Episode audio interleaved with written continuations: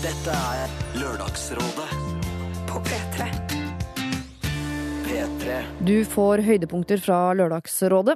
Rådgivere nå er Henrik Fladseth, Line Elvsåshagen og Nicolay Ramm. P3. Vi skal ut på tur eh, sammen med to jenter og snart også to eh, gutter. Jeg har fått en mail fra en jente som kaller seg Lea, som er 19 år, som skriver Kjære Lørdagsrådet. Jeg er nå på backpacking. Mitt livs reise. Jeg er i Sør-Amerika med en venninne. Kall henne Kaja.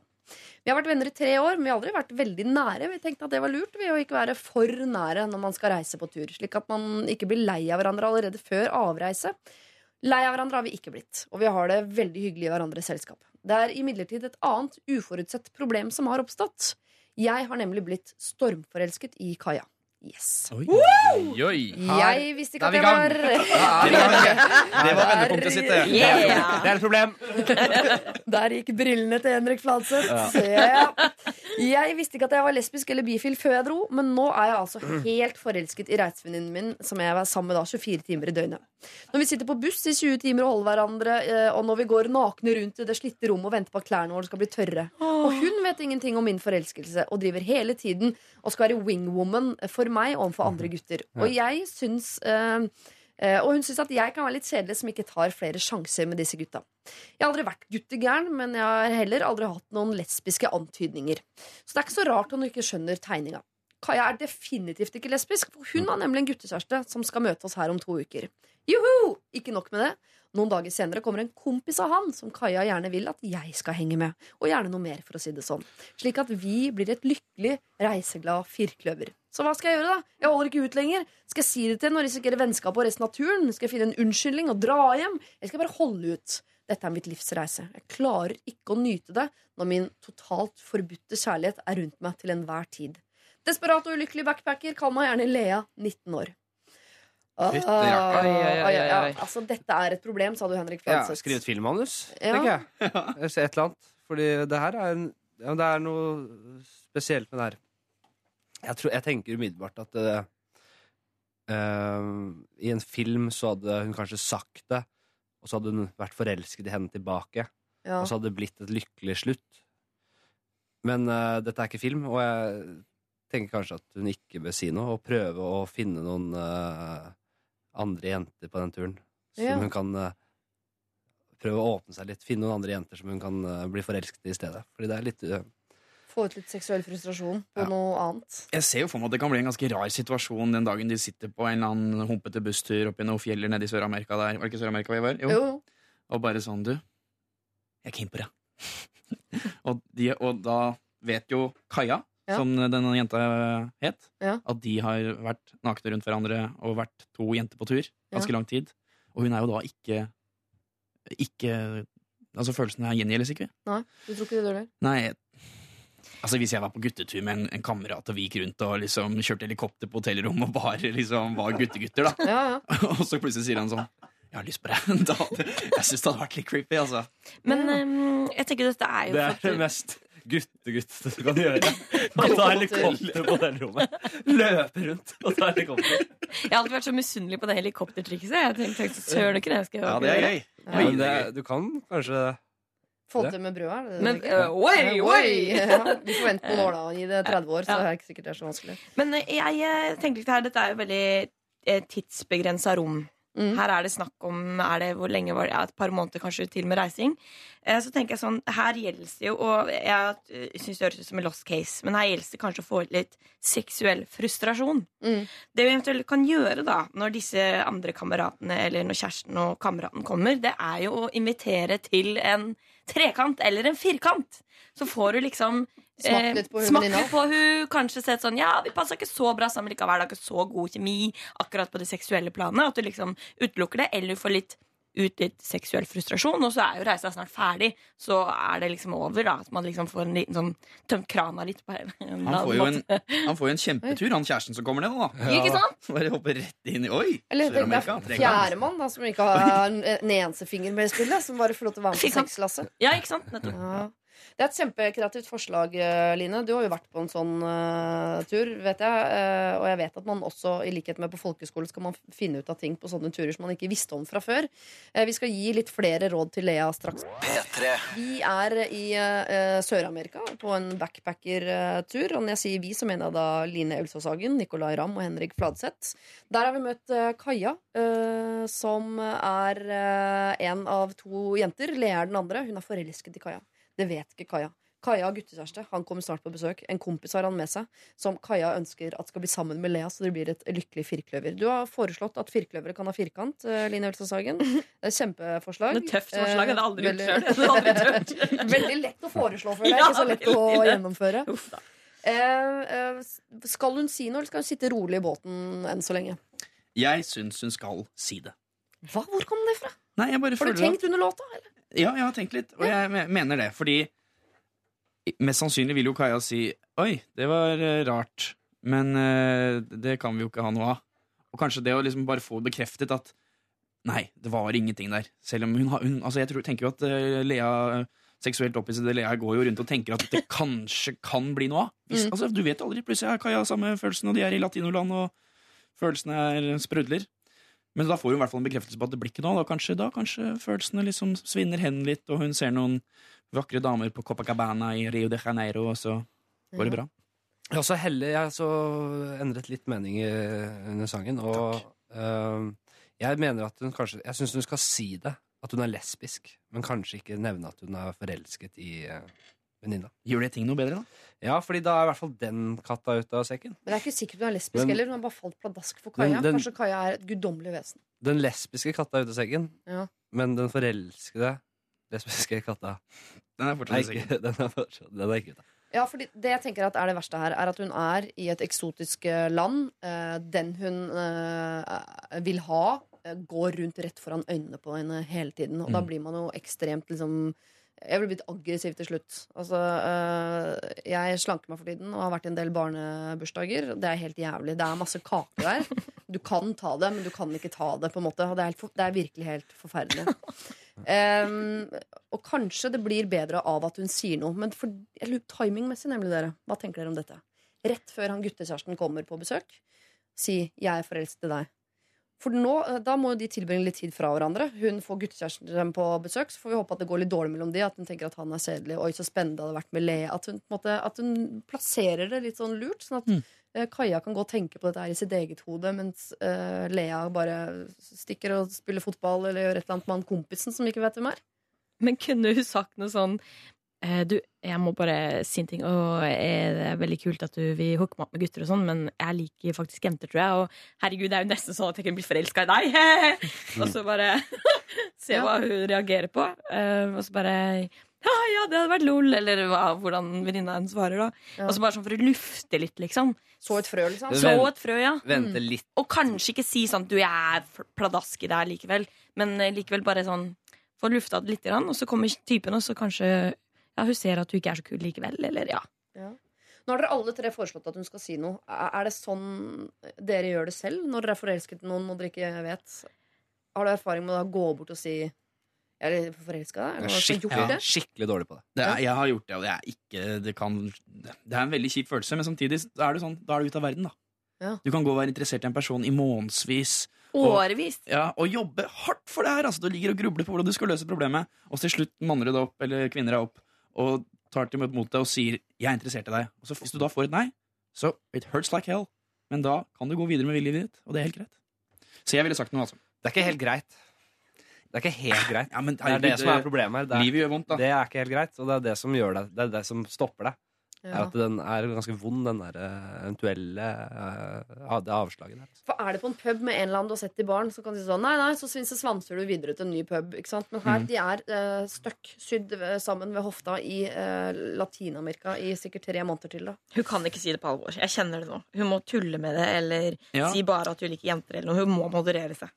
Jeg syns Jeg, jeg, Jeg står knallhardt på det at hun skal si at hun er lesbisk, men ikke at hun er forelsket i venninna. Det syns jeg er et eh, finfint kompromiss, folkens. At hun legger fram uh, Jeg kvier meg litt til han kompisen eh, til kompisen til typen din kommer. For jeg, tenker masse på det på turen, og jeg lurer på uh, om jeg faktisk liker jenter bedre. Altså, om jeg synes det er mer spennende At man legger det fram som et litt sånn tenkende prosjekt. Ikke sant? Litt sånn Mm. Ja. åpent. Så får da Kaja litt tid til å ta det inn over seg, og kanskje da vil hun snakke mer om det en annen gang. Og så har hun da noen uker nå sammen med typen sin, hun kan gå og tenke litt på det, og ikke noe press, ingenting. Og så får hun liksom planta dette frøet, og så kan vi se hvordan det går etter hvert. For du skal jo ikke hjem fra den turen, Lea. Nei. Og du må si noe til Kaja, men du skal kanskje ikke dumpe hele den i fanget på Kaja med en gang. Og dukker det opp en firkant, så prøv det, da vel. Yeah! P3. Lørdagsrådet gir både gode og dårlige råd, men hvordan gikk det egentlig med dette problemet? Det får du vite straks. Line Elvsåshagen var her sammen med Henrik Fladseth og Nicolay Ramm. Vi løste problemer i mange timer, som vi gjør alltid hver lørdag, og ett av de var fra eh, en eh, Eller ja, fra én jente som var på backpacking sammen med venninnen sin, som hun valgte å kalle for Kaja. De hadde det koselig, eh, men det hadde dukket opp noe hos eh, da, eh, denne jenta, nemlig at hun var forelsket i venninnen sin Kaja. Det var nytt for henne, både dette med at hun faktisk var tiltrukket av jenter, og at det i tillegg var Kaja. Og så var hun usikker på skal jeg si til Kaja at jeg liker jenter, skal jeg si at jeg liker henne. Og i tillegg så ble det litt ekstra vanskelig fordi eh, denne Kaja har en guttekjæreste, og han skulle komme på besøk og være sammen med dem i to uker på eh, denne backpackerturen. Og han skulle også ha med seg en kamerat som var tydelig liksom lagt opp til at hun øh, kanskje skulle finne tonen med, sånn at de blei øh, to, altså to par sammen på denne turen, i hvert fall i de to ukene øh, hvor de var der. Eh, Du skal få høre noen av rådene som eh, Line, Henrik og Nikolai eh, ga, altså da tilbake 16. april. Lørdagsrådet. På P3. Jeg tenker kanskje at hun ikke bør si noe, og prøve å finne noen andre jenter som hun kan bli forelsket i i stedet. Men her gjelder det kanskje å få ut litt seksuell frustrasjon når kjæresten og kameraten kommer. Det er jo å invitere til en trekant eller en firkant. Så får du liksom Smakt litt på hun venninna. hun, kanskje sett sånn Ja, vi passer ikke så bra sammen likevel. Det er ikke så god kjemi. Du kan gå og være interessert i en person i månedsvis. Årevis. Ja, og jobbe hardt for det her. Altså, du ligger og grubler på hvordan du skal løse problemet, og til slutt manner du deg opp, eller kvinner deg opp deg og sier 'jeg er interessert i deg'. Så hvis du da får et nei, så it hurts like hell. Men da kan du gå videre med viljen din. Jeg mener at hun kanskje Jeg syns hun skal si det, at hun er lesbisk, men kanskje ikke nevne at hun er forelsket i uh, venninna. Lørdagsrådet hver lørdag fra 9 til 12. Dette er, dette er P3. Si det altså, men kanskje ikke si det til Kaja at hun er forelsket i henne. Hva endte Lea opp med å gjøre? Det skal jeg fortelle deg, for hun har sendt oss en mail, og her står det. Tusen takk for at dere tok opp problemet mitt. Det har gått en stund siden jeg lå på en klam sovesal og skrev desperat til dere. Kjæresten til Kaja kom på besøk, og det var skikkelig vondt å se dem sammen. Å se Kaja vise de følelsene til han som jeg så gjerne vil at hun skal ha for meg. Så en av de første kveldene etter at han kom, drakk jeg meg litt for full og fant meg en israelsk jente på dansegulvet. Det endte med at vi dro sammen bak til eh, hostellet vårt og lå sammen. Lettelsen var stor da Kaja stilte spørsmålstegn til det som skjedde, og jeg klarte å si sannheten om at ja, jeg liker jenter. Så noen ganger er altså Tequila shots pluss pluss øl lik sant. Kompisen til kjæresten til Kaja som kom noen dager senere, eh, han eh, skulle bare smoke weed every day og var ikke helt eh, der. Så de påfølgende ukene mens kjæresten var der, drakk jeg meg hensynsløst full nærmest hver eneste kveld og lå rundt med jenter fra mange nasjoner for å prøve å stenge ute følelsene for Kaja. Det funket sånn halvveis. Men det var fortsatt dritt å henge med henne og kjæresten. Eh, Det ble altså ikke noe trekant, dessverre. Jeg har nå bestemt meg for å følge rådet deres om å ikke si at jeg har følelser for Kaja nå mens vi er på tur, men jeg håper at jeg manner meg opp til å si det ved en senere anledning. Jeg tror likevel hun har anelser, siden oppførselen min endret seg så drastisk etter at typen hennes kom på besøk. Nå som det bare er oss to igjen, så prøver jeg å nyte dagene med henne og drukne den seksuelle tiltrekningen ved å, vel, ligge rundt. Takk for råd. Hilsen eh, Lea.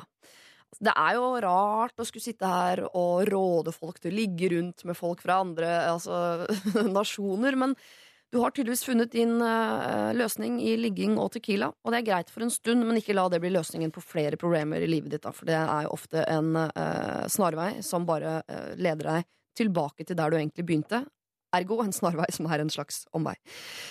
Jeg har ikke flere metaforer på det, eh, så vi går eh, videre med Lørdagsrådet her på NRK P3. Dette er Lørdagsrådet På P3. P3.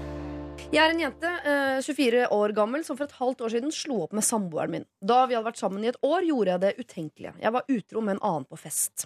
På den tiden var forholdet ganske turbulent. Han gjorde blant annet, bursdag, han gjorde blant annet bursdagen min til et helvete en uke før det skjedde, og jeg sa at jeg ville slå opp uken etter, men ble overtalt til å fortsette å være sammen med han.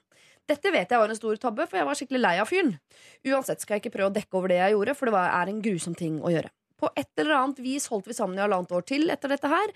Mye fordi jeg prøvde å gjøre opp for meg, innser jeg nå. Vi var glad i hverandre, men han eh, mer enn meg, samtidig som han var knust, og det var eh, vanskelig og vondt til tider. Så, for et par måneder siden så møtte jeg en utrolig fin fyr. Vi har tilbrukt mye, tilbrukt mye tid sammen, og jeg liker han veldig godt. Jeg har samtidig en dårlig følelse rundt utroskapet, om jeg burde si eh, det, og i så fall hvordan. Selv om enkelte kanskje mener at de som har vært utro, lett kommer til å gjøre det igjen, så vet jeg at det der er ikke meg. Jeg har siden den gang det skjedde, unngått så store mengder alkohol fordi det føles ubehagelig, og jeg var eh, også svært usikker i det som var mitt første ordentlige forhold. På en eller annen måte så har jeg en vond følelse om at kanskje når eksen min nå ser at jeg har blitt sammen med en annen, så kommer han til på en eller annen måte formidle at jeg har vært utro til min da nye kjæreste på en eller annen måte. Fortsatt får jeg meldinger fra eksen om at han savner meg, elsker meg, og at han har lyst til å bli sammen med meg igjen. Så burde jeg si at jeg har vært utro før, før det utvikler seg til noe mer. Hilsen da eh, jente24. Kall meg Kaja. Forstår dere? Altså I det forholdet hun har vært i nå, så er det ikke vært noe uh, greier. De er ikke helt sammen ennå. Hun lurer på om hun skal på en måte uh, heise varselflagget og si fra at jeg, jeg, i mitt forrige forhold så var jeg altså utro. Jeg, si, jeg, jeg pleier å være ut, bare så du vet, jeg pleier å være utro. Eh, Det kan være lurt å si eh, før det går for langt. Jeg, jeg heier på det, altså. Ja, Ja, Bruke ord som pleier, Ja, også, selv om det har vært en e- enkelt tilfelle. ja men det blir jo 100 da, hvis det, av de seneste, seneste forholdene. Ja. Så jeg tenker at det, det er eh, helt klart eh, viktig å si, og ikke bare til denne, denne kjæresten, men hver gang man treffer nye mennesker. Åpne med det, rett og slett. ja, så er kortene på bordet. Ja. Jeg pleier å være utro. Pleier å være utro. eh, Bare sånn med tanke på hvis det skulle bli noe, så veit du det. Da er den katta ute av sekken. Ja. Mm. At kunne du allikevel blitt forelsket i dette mennesket som fortalte deg dette sånn tidlig? Ja, men jeg kunne blitt det? Ja.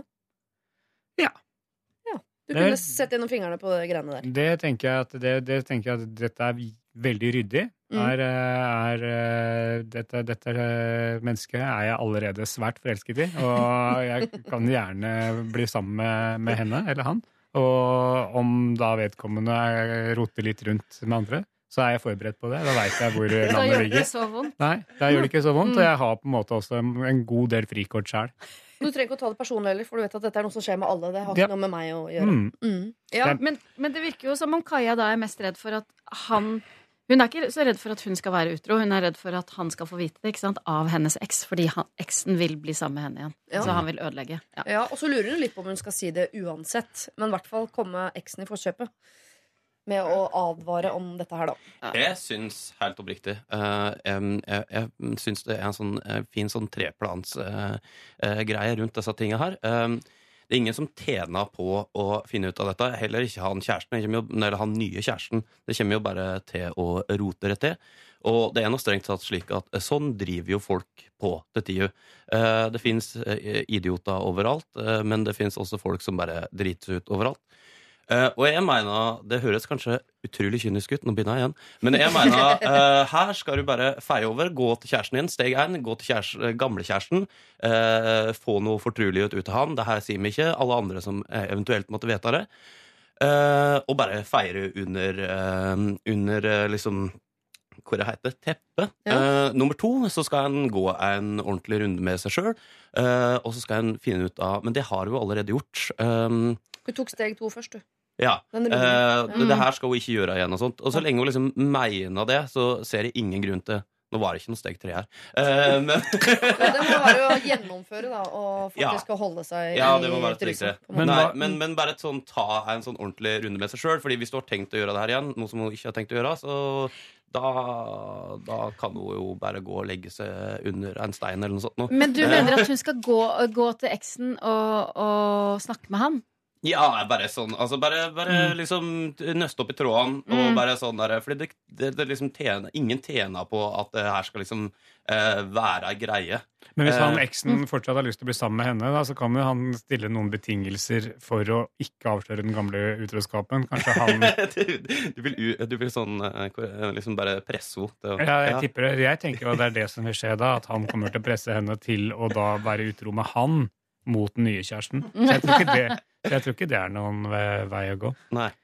Men eh, tenk dere selv eh, om dere Vil dere vite det om fortiden til kjæresten deres, om hvorvidt de har vært utro eller ikke? Tenker dere at det er relevant? Nei, Jeg sier jo nei. Nei, ja, du Ja. sier nei. Ja, du, nei. Eh, Solveig, tenker, du, du tenker, tenker så mye. Ja, for jeg, men ja, for jeg, dette gjør meg litt usikker, for jeg tenker at eh, mm, hvis, hvis det er sånn at det plager henne så veldig å gå rundt og tenke på det, så ville jeg kanskje fortalt det. Altså, Jo, men det er jo ikke hun som skal ha det enkelt her. Hun er allerede dritet ut. Det her kan hun deale med sjøl. ja, Det er Det er altså klart, sånn altså- clearing- klare liksom, Samvittigheten er jo ikke et tema her, er det? Men er ikke dette grunn til Dette er en av, grunn, en av grunnene til at hun har gått videre i et nytt forhold. Dette Ja. er grunnen til at man slår et firma konkurs. Det er for å starte med eh, blanke ark og, og nye penger i, i posen. På en måte. Det er jo ikke, jeg, jeg ser ikke at det at hun har vært utro mot en fyr Nei. før, skal ha noe med det nye forholdet å gjøre. Jeg, jeg skjønner ikke hvorfor hun skal bringe med seg det, det, der, eh, det sorte fåret der videre i livet sitt. nei, nei, det må eventuelt være fordi at det plager henne så mye å vite at han kanskje får vite det, da. Ja, men den dagen jeg vet, jeg, Hvis eh, eksen til kjæresten min hadde ringt meg og sagt sånn Ja. Når jeg var sammen med typen din, Ja. så var han utro mot meg. Så jeg tenkte sånn, ja, Det skjønner jeg veldig godt, for du virker som Ja. et veldig dårlig Ja. menneske. Ja. Som driver og ringer til meg og plager meg med Ja. sånne ting. Jeg hadde jo pult rundt sjøl. Så altså med deg. Hadde jeg tenkt da. Det er godt sagt, det. Og så tenker jeg jo også altså, hvis, hvis redselen er at det skal bli avslørt, så, så er det jo ikke noe oppskrift på å hindre det å avsløre det. Hvis det er, hvis det er redselen for avsløring som er, som, som er det store her, mm. så, så, så er det jo bedre da, så å tenke at ok, det er jo en, det er en ganske stor sjanse for at det ikke blir avslørt. Det er jo bedre det enn en 100 avsløring Mm. Enig. ved seg selv. Ja, men, Ja. men det går jo an å ta det Igjen, hvis det plager henne så voldsomt. Det går det an å snakke vi, eh, En kveld de er sammen, så snakker man om gamle kjærester. For tidligere forhold. Hvordan, når var det, hva, hvordan var ditt eh, for, siste forhold? Så kan man jo snakke om at det var veldig dårlig. Det var faktisk så ræva at jeg eh, var utro. Jo, jo, Men det altså, kan han jo ta den dagen det kommer opp etterpå. Altså, det her skal jo, nå må du tenke deg at Ja, det her ja. det skal jo være gledens tid. Det skal jo være forelska. Ja, ja. Det skal jo ikke ha det skitet, liksom. Nei. Ulmende. nei. det er Nei, hvis det dukker opp en samtale sånn Ja. når man snakker om eksen og sånn. Jeg ja. også vet jo sånne ting om min kjæreste nå. Det dukker Ja, for nå skulle jeg glad. til å fortelle deg en del uh... om, eh, nei, og det, men jeg tenker at man skal ikke si det som en advarsel på vei inn i et forhold. Hei, hei, Nei, før vi ja, blir sammen der nå, så må jeg bare legge noe greier på bordet. Enig. Enig. Det er vi enige om. Ja, er Jeg, du ikke det, da? jeg var jo ikke egentlig enig i det, men eh, For du var interessert i det frikortet videre? Jeg var interessert i at, eh, at alt gammelt gruff skulle opp så tidlig som overhodet mulig. Men da er det så mye annet som må oppå. òg? Ja, ja. Alt, Alt, alt må opp. Ja. Helst trygt på T-skjorta man går med. Ja. Jeg er også den oppfatning at alle burde legge ut eh, ikke bare nakenbilder, men veldig veldig drøye bilder av seg selv ved seksuelle situasjoner på internett. På den måten så ville man fått avmystifisert det, og det, det ville ikke vært noe skam rundt det. Så man vet hvem man ligger med, på en måte også. Ja. da kan man bla seg gjennom arkivet, som jo internett er. Mm. Eh, Kaja, som vi kaller deg fordi eh, du har bedt om det. Eh, dette trenger du ikke å si som en advarsel til han du er på dealeren med nå. Hvis eh, samtalen dukker opp en eller annen gang etter at dere har blitt sammen, så selvfølgelig så forteller du det som du, om du forteller hva som helst. Holdt jeg på å si. Men det er ikke en advarsel du trenger å si fra om nå. Og hvis han eksen din ringer og advarer den nye typen din om dette, da tror jeg denne nye typen kommer til å forstå at det der er en man er utro mot. Dette er Lørdagsrådet på P3. P3.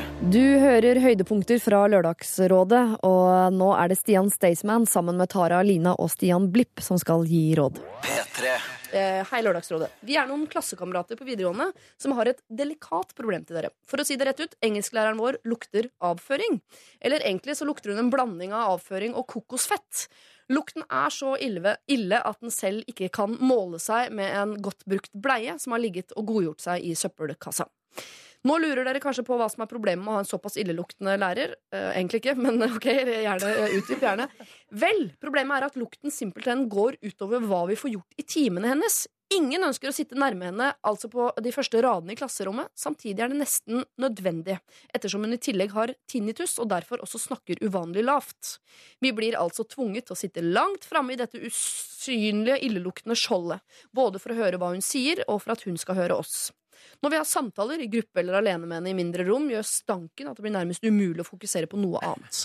Nå virker det sikkert som om hun har tidenes fæleste, at, at hun er tidenes fæleste lærer, men sannheten er at hun faktisk er veldig skjønn og god. Det gjør det naturligvis mer vanskelig for oss å informere henne om tingenes tilstand. Ingen ønsker å såre en skjønn lærer. I tillegg kan dere sikkert forestille dere at det vil utgjøre en viss risiko for oss med tanke på karakterer dersom denne opplysningen skulle ende i depresjon. Så bør vi gjøre noe eller ikke, og i så fall hvordan? Med vennlig hilsen Sondre på vegne av en gruppe forvirrede kamerater som takker for svar. Altså, Vi har en veldig en nydelig og flink lærer som lukter bæsj og kokosfett. I tillegg har hun tinnitus. Klassisk lærer, altså. Hvor mange lærere er det som egentlig har tinnitus? Hvor mange lærere som har tinnitus? som lukter bæsj? Ja, det er vel Jeg tenker Hvis hun hører noe, så Ja. vet hun jo at det er henne. Da er jo problemet løst. Jeg regner med at eh, hun ikke vet det. Altså, jeg tenker Hvis du, hvis du lukter kokosfett og bæsj, og, eh, og ikke gjør noe med det, da kan du ikke vite noe om det. Men kan hende hun vet det nå, etter å ha hørt eh, på Lørdagsrådet. Det vet vi ikke, men det er jo en deilig bieffekt ved dette programmet, Det egentlig. det. egentlig. P3. Ja, dere, Hva tenker dere om uh, Sondre, som på vegne av en uh, gruppe kamerater uh, nå har en lærer som lukter en blanding av avføring og kokosfett? Du er jo den eneste som faktisk studerer av oss nå, Tara Lina, men må du forholde deg til dette? Har du noen lærere som lukter vondt? Nei. ehm, egentlig så Jeg har ikke snakket så mye med lærerne mine. Nei. Det er ikke så mye interesse å snakke med heller. Nei. Men eh, egentlig ikke. Vi hadde en lærer før som eh, da jeg var yngre, som lukta makrell. Eh, Fri, sånn frisk makrell, eller sånn gammel makrell? Nei, gammel makrell. Okay. Mer sånn født, født med makrell, eh, kronisk makrell Ehm, Det høres ut som et syndrom. Makrell, kronisk makrell Kronisk makrell. Hun har vært i krigen, i hvert fall. Ja. Hun ble født rett etter krigen. Eh, og det, det var litt sånn Det var ikke noe kult, men det falt oss aldri inn å si ifra om det. Nei, Men hun hadde ikke også tinnitus, sånn at man måtte være tett på henne hele tiden. Nei, jeg tror ikke det. Nei, Det gjør jo verre, Ja. problemet verre. Ja, for jeg tenker, for Vi hadde jo en lærer som eh, Hvis han kom bort til pulten og skulle hjelpe deg, så var det litt sånn åh, hei, hei sann. Eh, for da stinket det litt. Grann. Mm. Men det var aldri noe problem ellers. Men her, her er jo det snakk om en, eh, en bombe. Så, altså en, en sånn luft Altså en omvendt luftfriskner som bare står i rommet og pumper ut esselukt. Mm. Uh, og, og, og jeg må først og fremst berømme de gutta på veldig eh, sånn, uh, sånn ha- Veldig bra nese, da. At de klarer å sånn plukke ut kokosmelk, bæsj og uh, gammel bleie ut av, av, av lukten. Ja. Men jeg, jeg, jeg vet ikke, jeg, altså, jeg, jeg hadde ikke klart å overleve i, i, i den Den eimen der. Jeg tror jeg har en, her tror jeg jeg kan kanskje ha en løsning. Oi. Eller jeg vet ikke, da. Nei? Men altså, jeg tenker på den Hvis noen kommer inn i eh, rommet, og man sitter der, og man har tatt av seg skoa, mm. og man har hatt på seg skoa veldig lenge Altså, Det er dine sokker det lukter jævlig av. Ja, når du merker det plutselig. Og så kommer det en inn i rommet som er helt ny. Som er, Hva faen lukter det her? Ikke sant? Og så vet du at det er du som er, du som er skylda. Hvis gutta i, i klassen begynner sånn åpenbart å hinte Hvorfor lukter det bæsj her? Hvem er det som lukter bæsj? Hvem som lukter bæsj Og så begynner de å lukte på gutta sine. Ikke sant? Det er ikke deg, det er ikke deg, det er ikke deg. Hvem er det? Og, så, og så til slutt, altså, kanskje læreren, etter masse sånt styr med det derre 'hvem lukter bæsj', at det, Oi, det kan jo være meg det lukter vondt av. Så, sånn veldig passiv, sånn, Ja. en, en veldig passiv beskjed. Altså Hver dag man kommer inn i klasserommet, så er sånn Herregud, der er den lukten igjen! Det er bæsj og kokosfett. Hvem i all verdens navn er Ja, så går det og lukter i armhulen i veddene dine. Det er ingen her. Ja, Det er det Ja, ingen her. Da foreslår jo altså, Tara, jeg forsto det sånn at du, du tenker at det går over. Det var, er ikke et problem. Eh, Stian, du syns man skal hinte om det. eh, Mens eh, Stian Blipp, du mener at det her kunne jeg ikke levd med. Så det høres ut Ja. som du ville gått rett i konfrontasjon. Altså, eller? jo, men det frister jo selvfølgelig bare sånn Du, eh, kan jeg få to ord med deg? Det lukter bæsj og kokosfett av deg. Men, Men- men, det, det, det, det kunne, det kunne ikke jeg gjort. Det er ikke Eh, elevens ansvar. Man må jo gå og si, på, si fra på lærerkontoret. Ja, og det, hvorfor i, De lærerne som deler lærerkontor med henne, må jo også vite at det lukter bæsj og kokosfett. ja. Jeg jobbet som lærervikar en periode. Ja. Si det? Luktet du bæsj og kokosfett i den perioden? Nei, men eh, elevene Hadde du sagt at du hadde tinnitus nå? Så sa det Wow. Tusen takk. Eh, Elevene jeg vet ikke, jeg synes det var så ekkelt ord, men de prompet mye. Og Ja. så pleide jeg å drite dem ut igjen. Det var sånn, shit, hvem er, hva er, det som- hvem er som prompa nå? Og så ble alle dritflaue. Ja. Men det gjorde at folk holdt seg mer, da. Ja, Så du vant til slutt, på en måte? Jeg gjorde det. Ok, Så du, du går fra den gode gamle mobbe ditt til stillhet? eh, eh, Ikke mobbe, men jeg satte det på plass. De må Ja. på en måte vite det. Ja. Men gå til eh, lærerværelset, sier du. Det er jo en annen vei rundt dette problemet. Men da, eh, bare hvis vi setter oss inn i denne skjønne læreren sitt eh, Men det er ikke skjønn, det er bare noe man sier i tilfelle hun skal høre på. jeg, jeg, jeg tror de helt oppriktig liker henne. For hvis ikke så hadde de allerede bare mobbet henne ut. Eller sånn som man pleier å gjøre med lærere Men de har jo en eller annen særlighet Ja. til henne her. Men jeg, jeg bare tror personlig at jeg ville synes det var verre hvis jeg visste at uh, elevene mine hadde gått til sjefen min. Så nå visste alle om det, så var det noe alle gikk og prata om. Da Ja. ville jeg heller at eleven bare hvisket meg i øret en dag sånn uh, Du lukter dritt. jeg pakka den kanskje litt. Jeg pakka den litt. Nei, nei, men, Ja. altså, eller kanskje eh, for å hive seg på Staysman sin sånn hinte Sin hintetriks-greie. så er jo det kanskje Før i tiden så kom man med eple til læreren. Ja. Kanskje de kunne komme liksom, med, litt sånn velduftende tington eh, for, for å omkranse henne i en slags sånn eh, ja, er skjold, jo- skjold, skjold av godlukt. Vi bare setter det duftlyset her. Ja, ja, du. Vi har kjøpt sånn nydelig sånn duftlys til deg som, som lukter eik. Eh, egg. Ja, men det kan være bra. Ja, tenk deg det. Eik og egg? Nei, ikke egg. Hva, hva for duftlys er det du har? Nei, det var du som sa det. Jeg- jeg- Da, da var det Men jeg er faktisk ganske fan av den uh, Stian nummer Stian uh, Nummer to. Stian, Stian, jeg vet ikke helt hvordan dere vil ha det, men jeg sier, jeg sier Stian nummer én, da. Ja, ja, takk, takk. Ah, ja, han. Det er nummer én. Stian nummer én var først ute Ja, og ble etablert. Så det må holde til. Men uh, jeg er egentlig litt fan av den der uh, sånn subtil hinting, jeg. Ja. Tenker over det. Ja, og ikke duftlys subtilt nok. Røkelse. Jeg har, jeg har altså, slengt, opp, slengt opp litt røkelse. Litt der. En nydelig Hvis alle gutta møter opp på Jo, skolen røkelse med er også bra, det er også dødende. sånn duftlys på, på, på Altså, men kan, kan, kan, kan, kan de bare setter opp duftlys på sin egen pult, da? Så lukter det for godt der. Vi kan jo slå sammen eh, rådene og si at man klager over drittlukt. Og da, derfor kommer jo duftlysene inn i klasserommet. Og så får man håpe at læreren tar hintet på et eller annet tidspunkt. Ellers så liker jeg egentlig det jeg trodde du skulle gi som råd, Stian, når du startet historien din. Okay. Så nemlig er eh, når man er førstemann inn i et rom, så kan man si det. Dere må få inn en eller annen ny elev eller en kompis som kommer på besøk, eller sånt, som kan være den som For det, er, det som er så kleint å si fra, er sånn Hvorfor har dere ikke sagt fra før? Hvor lenge Mm. har dere lukta det? Hva? Ja. Det må komme inn et, et nytt menneske som aldri har vært i klasserommet før, som har én funksjon, og hans funksjon er å komme inn i klasserommet og si Å, men i helvete, her lukta det jo bæsj og kokosfett! Ja, ja. Hvem er det som lukter så dritt? Ja, ja. Og da er ballen i gang. Da kan vi bringe inn duftlys og alt. Ikke sant?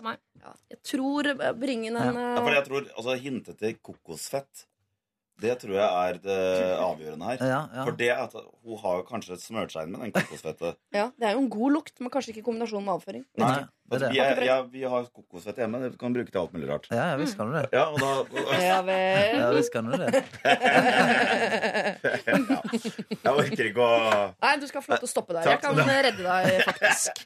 Jeg tror her, kjære Sondre eh, og eh, gjengen din, dere er veldig eh, søte som eh, liker læreren deres og ønsker å gjøre noe med dette her. Og jeg skjønner at ikke dere vil gå rett til henne og si det. Men jeg syns heller ikke dere skal gå til rektor og sladre på en måte for å få enda flere involvert. Så bring inn en nøytral eh, person hvis det er mulig. Ellers må dere hinte litt. Si sånn, det lukter vondt her. Hvem er det? Lat som dere ikke vet. Ellers er det duftlys. Eller så er det å bringe inn et lite duftlys. Gjerne et som lukter egg og eik, Ja. som visstnok er det Eller nye et, eller, et, duftlyset nå. eller et halskjede av Wunderbaum. P3. Dette er Lørdagsrådet på P3. P3. Du hører på høydepunkter fra Lørdagsrådet, og nå får du treffe Trond-Viggo Torgersen, Trine Lise Olsen og Stian Staysman. P3. Hei, jeg er en jente på 26 år som har en kjæreste og jeg er, som jeg er veldig glad i. Vi har vært sammen i ni måneder, og vi har det veldig fint. Ikke heng dere opp i ni måneder, det kommer ikke til å handle om barn. ok? Eh, Da vi ble sendt, eh, møtte han mine venner, og jeg møtte hans. Alle går veldig fint sammen, og vi har blitt en gjeng. Men da jeg først møtte vennen hans, fikk jeg et lite sjokk. Hans beste venn var en jeg har gått på skole med i 13 år, og eh, en jeg derfor kjente ganske godt. Vi lo av dette, og jeg tenkte det var hyggelig å møte han igjen. Allikevel var det litt rart å se han igjen, siden jeg hadde vært forelsket i han i alle de årene jeg gikk på skole sammen med han. Det var ordentlig kjærlighet som ikke var gjensidig. Jeg snakket aldri med han om dette, så det var ikke pinlig mellom oss. Men etter noen uker eh, så var vi en del sammen, og jeg følte at noen av de gamle følelsene mine kom tilbake. Jeg tenkte det var fordi han minte meg om gode gamle dager, og at følelsene ikke ville vare. Eh, men de ble bare sterkere og sterkere. Nå prøver jeg å unngå han, og jeg syns det er veldig pinlig å være sammen med han, selv om det er vanskelig å unngå, siden kjæresten min og han er veldig mye sammen. Han er forlovet med en annen veldig hyggelig jente, og for et par måneder siden fikk vi vite at de venter barn.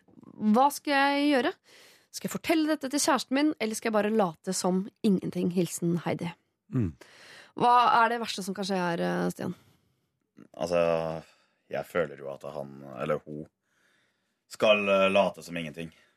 Og håpe at det går over? Ja, men, nei, men altså, hun har aldri fått uh, Altså, den følelsen har hun altså, Hun har vært forelska han i en årrekke. Mm. Og det har aldri vært uh, gjensidig. Nei.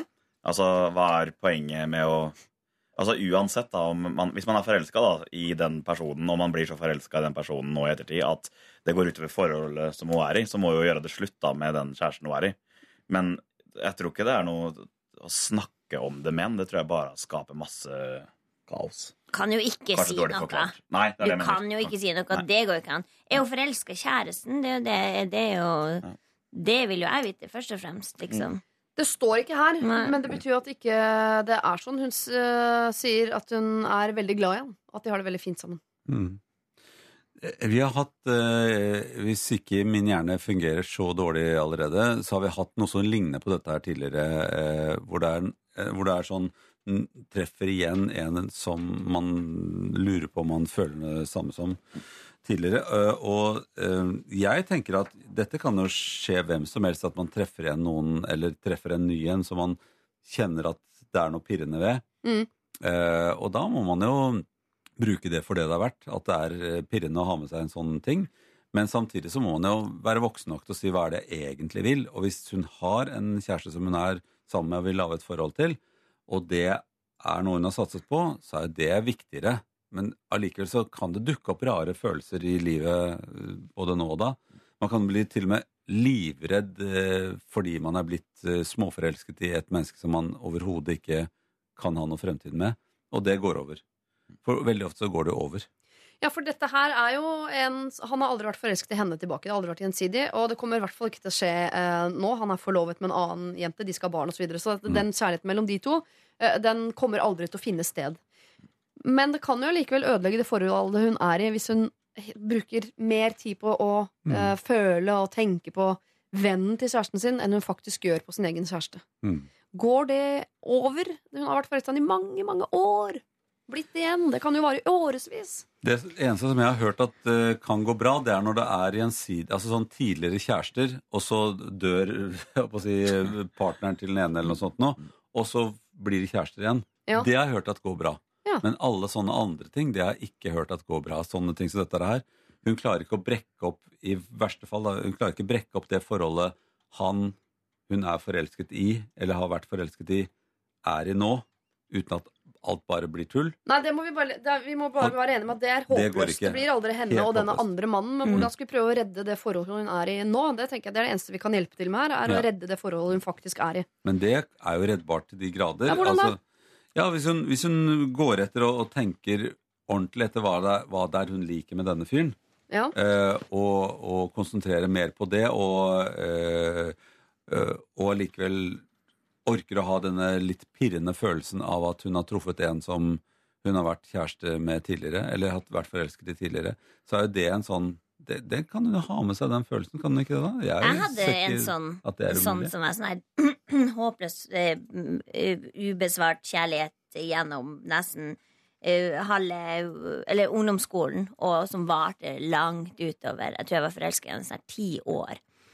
Og han møter jeg titt og ofte nå, og da kan jeg liksom kjenne litt på den følelsen. Men jeg klarer å se han nå med nye øyne, liksom at vi hadde jo aldri passa i lag Ja. nå som voksne. Men jeg kan kjenne igjen den der liksom Jeg husker liksom Ja, når han smiler, så ser jeg liksom Å, nå ja, nå kjenner jeg igjen den der greia.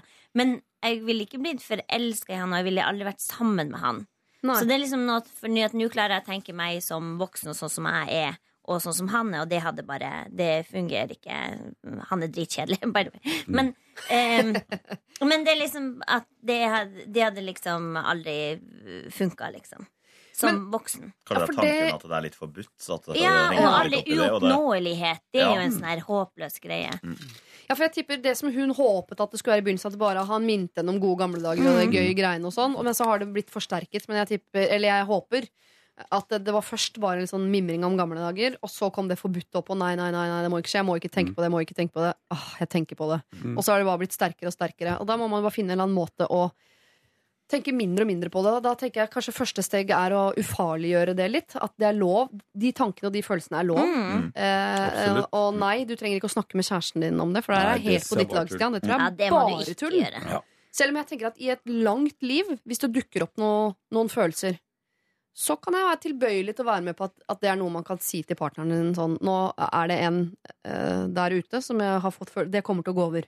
Mm. Er det en eh, samtale man kan ha gjennom et langt ekteskap, eksempel, tror du? Trond Ja, det tror jeg, men det kommer an på hvor ferskt det er eller ikke. Det er mye lettere å snakke om ting som er uh, i futurum, altså uh, som det heter i grammatikken. Mm. Altså det er, sånn, det er, det er passert. Ja. Men, og så kan man fnise av det og, dele det med partneren sin, men eh, jeg tror det der å akseptere at jeg er litt sånn Det pirrer meg at jeg treffer han nå.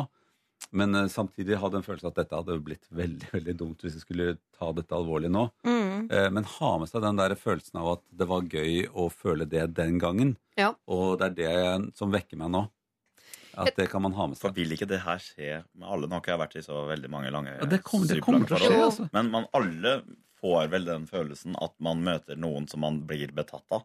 Absolutt. Ja, og Ja, det er forskjellen her da er at det er en fyr man har vært forelsket i lenge før, Ja. og det er bestekompisen osv. Så, videre. så det er noen faktorer som gjør det verre, som jeg Mm. mener at er argumenter for å ikke på noe som helst tidspunkt snakke om dette med sin kjæreste. Må aldri snakke med han. Nei. Nei, Nei, det nei, går nei, ikke. Men er også det, tenk hvor usikker han skal bli.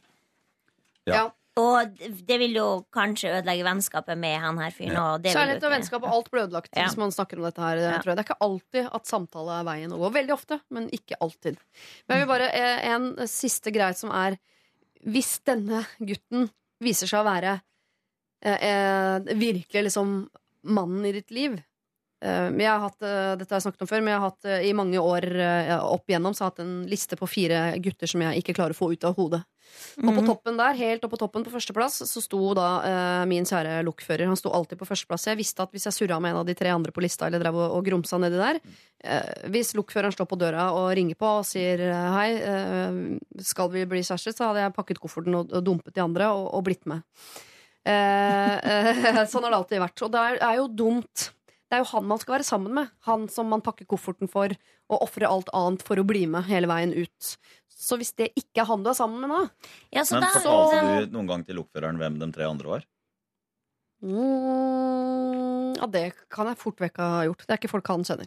Men- han har alltid men- vært den suverene vinneren, så han ville vel bare kunne kose seg med Ja, det. på en måte You guys down there.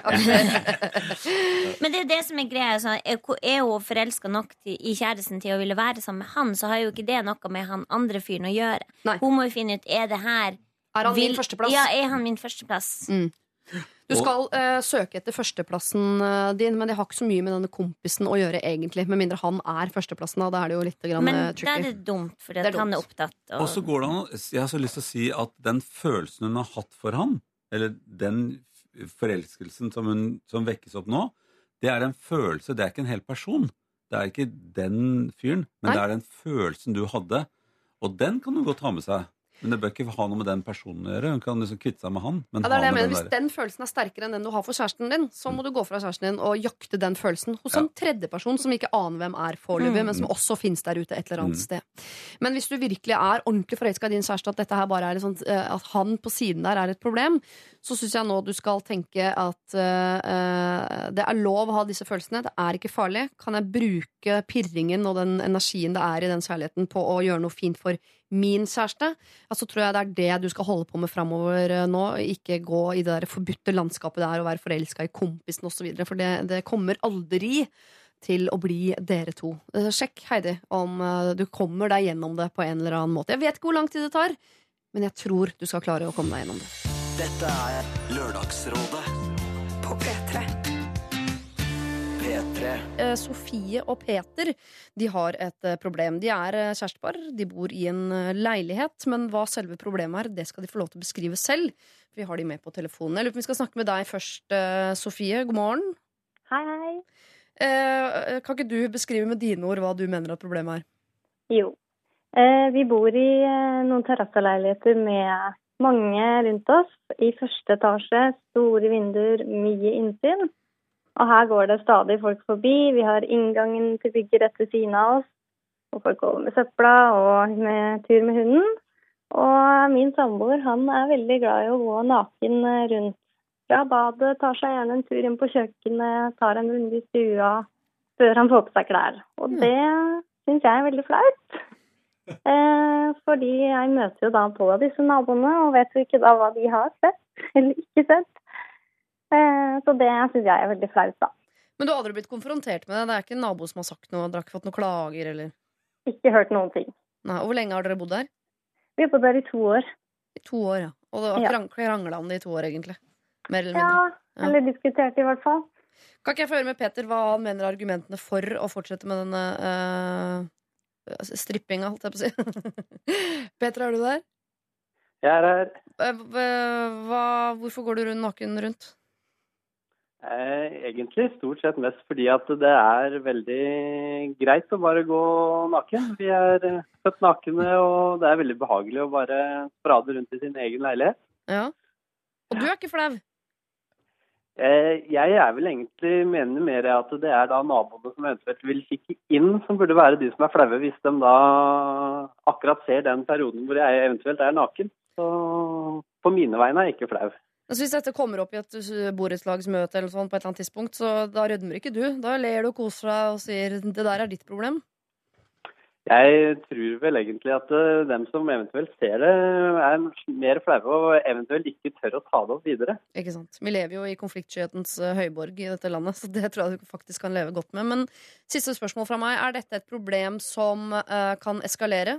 Uh, møter jeg deg om noen år på telefonen her uh, hvor du krever at alle ferier skal gå til Tyskland, og dere skal i nakenbyer og nakenbryllup og den slags?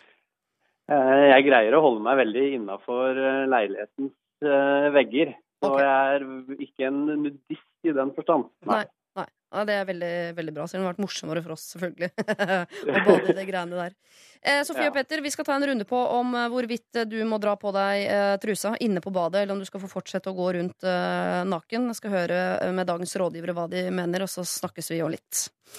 Dagens rådgivere er uh, Linnea Myhre, uh, det er Bård uh, Tufte Johansen. God morgen, velkommen. Takk. Ja. Beklager at jeg er for sein. Jeg har med lapp hjemmefra. Det er jo ikke lenge siden du var naken sjæl, si. Så du kan Nei, jo det er jo helt. Det er ikke mange minuttene siden. siden. Tor Og Torbjørn Røe Isaksen, du er her også, selvfølgelig. Hva, eh, nå har du hørt både Sofie og Peter sine eh, argumenter for, for problemet. Hva Jeg, jeg hadde i utgangspunktet ganske stor sympati for, eh, for eh, Peter og nakengåinga hans, men så mistet han meg på én veldig viktig ting, og det er dette argumentet om vi er jo født nakne. For det syns jeg er så innmari teit. For at vi er også født til å bæsje og tisse overalt og gulpe og spy og sånt. Og det er en grunn til at eh, Jeg er jo litt opptatt av at vi forholder oss til sosiale normer. Da. Det, er ikke noe, det er ikke noe skadelig å rape etter maten, f.eks. Barn gjør det. Ja. Men det er ikke noe argument for at vi skal være sånn fortsatt. Så det gjør meg litt skeptisk. på å. Ja. Ja. Eh, hva med deg, eh, Linnea? Nei, altså jeg tenker jo egentlig Først så tenkte jeg bare skaff deg gardiner og bare bli ferdig med det. Eh, men eh, så begynte jeg å tenke på den forrige leiligheten jeg bodde i. Den var også på bakkeplan, og det var liksom midt i Bislett-krysset. Eh, hvor det gikk da folk forbi egentlig hele tida. Det var ikke et sekund hvor det ikke var liksom mennesker utafor. og for, da jeg flytta inn, så var det sånn der, sånn uh, teip på vinduet, så det var liksom bare halve hvor du kunne se inn ordentlig, og så var det liksom Mm. blurry under. Uh, og de reiv ned fordi at jeg hadde lyst til å ha liksom, dagslys inn. Jeg følte at det var liksom ja, stengt med, uh, ute fra verden på en eller annen måte. Da. Så det er noe med friheten. Og selv om man hadde liksom eh, eh, gardiner, så sto de åpne. Selv om vi satt i sofaen rett innafor på dataen, og i, uansett hvor grusom vi så ut, gikk jo også naken der. Eh, fordi det er ingen som ser inn. Ingen er opptatt av å kikke inn vinduene. Altså Det skjedde i hvert fall én av tusen ganger da, at de kunne se at ok, nå står det en gammel mann og ser inn vinduet, faktisk.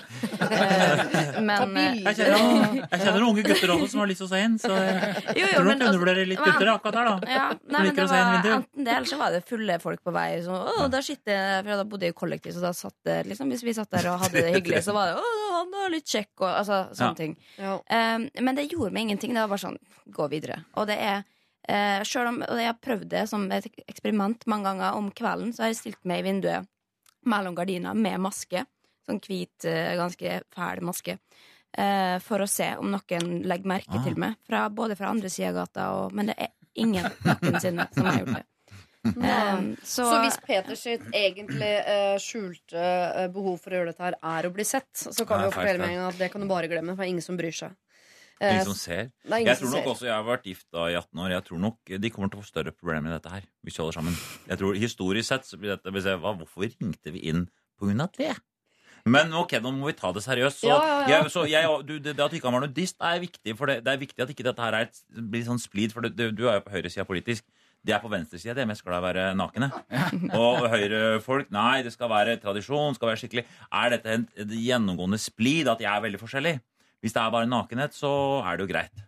Men jeg synes, for jeg, for jeg i utgangspunktet har altså De fleste liker vel egentlig å gå litt nakne rundt sånn nå og da. Jeg syns eh, det er ganske deilig Til selv. folk på høyresida Men, driver jo men, med det. det, men ja, ja, ja, det er mange, mange nudister både her og der. Men eh, jeg, det jeg tenkte var, er det noe på han Peter som Altså, er, det noe, har han, er det noe med utstyret hans for eksempel, som gjør at de som ser på det, kan få Hvis det er bare helt vanlig, hvis det er bare helt vanlig er så det er en det helt vanlig standard streit penis, for Ja. eksempel, Vi- så Ja. syns jeg det er mer innafor enn hvis han har en Men han hører ikke, ut- deformert hører ikke ut som en fyr som farger håret sitt uh, i skrittet. og sånn. Han hørtes veldig streit ut, gjorde han ikke det? Da har han vel ikke hår. Det er vel det som er det moderne nå. er det ikke? Det er sant, da har du det, vet du.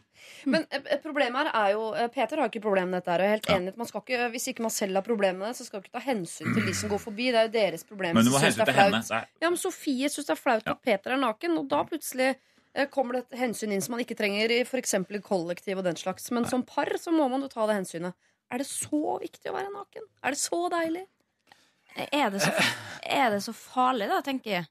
Er det så farlig at hvis en har sett den naken Altså, alle har jo bodd eh, vis-à-vis i løpet av livet og, og blitt sett naken, men man, man, det er jo helt uh, vanlig, holdt på å si, og det, man, det er jo et vindu, og man føler jo at man er privat, men selvfølgelig når man bor i første etasje, må man kanskje ta hensyn, men eh, det er jo ikke noe big deal. Og jeg, ja, som sagt, jeg tviler på at egentlig det er så mange som driver og Jeg kikker. tror jeg, altså, Det var før internett. Det var se vindu, det var gammeldags intranett. På en måte. Det var liksom det eneste vi fikk. Det var liksom, Skulle vi onanere, så var det et lite glimt i vinduet. Men nå er det internett. Jeg tenker at uh, det er rett. jeg tror hun skal slappe av. Jeg tror lys og alt mulig gjør at eh, det ikke eh, er så synlig. Jeg bodde i kollektiv før, og da, eh, da kom jeg hjem en kveld, og så var det helt mørkt i leiligheten. Vi var de tre av oss som hadde vært ute, og så kom vi hjem, og så var det én som var i leiligheten. Og da ble det panikk da lyset gikk på, for da hadde han dempet lyset for å kunne se over på en dame som bodde på den andre sida av gata. Dette var sånn per- Oslo pre-internett, eller? Ja, altså inter, internett hadde kommet, men, det var, veldig dårlig. dekning. Eh, så, så det tok lang tid. Kortere tid å bare dempe lyset og se over gata. Um, men jeg syns jo eh, Siri har et veldig godt Eller både Siri og Bård har et godt poeng, og det er at han må jo, om han liker nakenhet Og det er ingen som tar skade av å se en naken fyr Det er gjennom vinduet. Det er bare artig krydder i nabolaget. Så, Ja, ja, ja. Men, men hvis hun syns det er veldig flaut, så går det kanskje an å kompromisse med en liten Altså går det ikke an å ha på seg et lite håndkle eller en liten bokser eller noe sånt, da. Et morgenkåpe. Altså noe ordentlig sånn Det blir litt voldsomt igjen, da, for da, jeg tenkte på et eller annet Ja, som gjør at du får den der følelsen at du er litt fri Ja, morgenkåpestress. For et deilig land vi bor i. Herregud. Ta en, Sett en snokk, sokk på snoppen, eller gjør et eller annet en liten sånn Eller kjøpe gardiner. Det Ja, så går det an må, altså hvis, fordi han går vel ikke rundt naken for å bli sett. Eh, så da må, kan det jo ikke være noe problem å skaffe gardiner og lukke det, at hun kan gå og lukke dem da, hvis han, Ja. eh, mens han går Vårt rusler. forslag at jeg er gardiner, rett og slett. Ja. Det er det enkleste. Ja. ja. Jeg får høre med uh, Sofie og Peter om de uh, tenker at gardiner her er løsningen. Uh, har dere gardiner, Sofie og Peter? Gardiner har vi, så jeg går og trekker for, og han går og trekker fra. Å ja, så han vil bli sett. Ja. Peter har et eksponeringsbehov. Han er på eh, sånn eh, peakshow han hele tiden. Hele døgnet. Det går egentlig mest på at uh, leiligheten vi har, har vi kjøpt pga. utsikten. Og da skal penisen få se på Oslo, den også, ikke bare deg. Det er greit at du får nytt Se, liksom, se på penisen. Her er det Bort til Galgeberg og bortover der. Og. Men hvor mye utsikt er det i første etasje? Hva er det Det er ser? veldig bra utsikt. Det er det, ja. Vi ser hele byen. Det er god utsikt og innsikt, for å si det på den måten. Ja. Men kan Ja. du leve med eh, Peters nakenhet eh, når du nå på en måte har fått høre at det er ingen som ser det, og de som ser det, er jo som kjent konfliktsky og kommer aldri til å bringe det opp? Ja, det er jo for så vidt det jeg har fått høre, da. Det er Ja. ingen som bryr seg annet enn meg. Ja, men det er viktig det å ta det opp. Kan du klare å slutte med det og bry deg? Jeg kan prøve. Men kunne... Du kan ta på seg en bokser, kanskje. kanskje, kanskje, du, kanskje du kunne gått litt naken rundt sammen med Peter, så det ble noe dere delte? ja, ikke sant? Da blir det den snakkelsen. Jeg tror du skal holde igjen som et anker her, Sofie. Hvis ikke så vil Peter til Tyskland på sånn nakenferie. Det, eh, selv om han sier at han ikke vil det, så uh, hører jeg på Peter at det vil han. Hvis du blir med på laget her om noen år. Så ja, gardinene får være der de er. Dere bor der jo tross alt pga. utsikten, har vi jo nå uh, lært. Men Sofie, du må altså lære deg å leve med Peter sin nakenhet. Men hold igjen! Vær et anker, så ikke dette eskalerer, for da kan det bli litt plagsomt. Dette er Lørdagsrådet på P3. P3. Høydepunkter fra Lørdagsrådet hører du på, og nå er det Niklas Baarli, Tore Strømøy og Silje Storstein som er rådgivere. P3. Det er en jente som er i et forhold med en gutt som hun elsker overalt på jord. Det er den perfekte mannen for henne. Alt er bra. Eh, altså dagliglivet, eh, eh, det seksuelle. Alt er liksom sånn som det skal være. Han har jo da en mor og en eh, far som de tilbringer noe tid med, og problemet hennes til denne jenta er at hun eh, tenner altså så seksuelt på sin svigerfar. Eh, hun eh, liker han ikke noe særlig som type. Hun drømmer ikke om å eh, noensinne skulle gjøre noe med han, verken eh, på den ene eller andre måten. Altså, hun er ikke forelsket i han. Det er nesten så hun ikke liker sin svigerfar. Men han, og hvis jeg husker ordlyden riktig, gjør noe med henne som en gang hun er i nærheten av han, så føler hun seg som et dyr. Og det eneste hun klarer å tenke på, er at hun har lyst til å slåss med han eller ligge med han. Og denne eh, energien her bruker hun altså på den måten at hun bruker det eh, i senga med kjæresten sin. Uh, som jo, det vil jo si at det gagner kjæresten hennes, denne seksuelle energien. Uh, men hun vet jo at han kan aldri få vite hva det er hun egentlig tenker på. Og hun er redd for at han skal mistenke noe, fordi de har alltid mye bedre sex etter å ha vært på besøk hos svigers. Eller aller best hvis de er hos svigers når det foregår. Da er det på sitt aller, aller beste. Det hun trenger, er en velsignelse til å fortsette å bruke sin svigerfar som en slags sånn, uh, som en inspirasjon uh, i senga med typen sin. Eller så trenger hun streng beskjed fra oss om å slutte å tenke på svigerfaren sin. Og hvis det er beskjeden hun får, så må hun også få en oppskrift på hvordan man slutter å tenke på de tingene man faktisk tenner på der og da. Ehm, nå skal jeg ikke spørre Silje Storstein om du det har noen erfaringer med dette.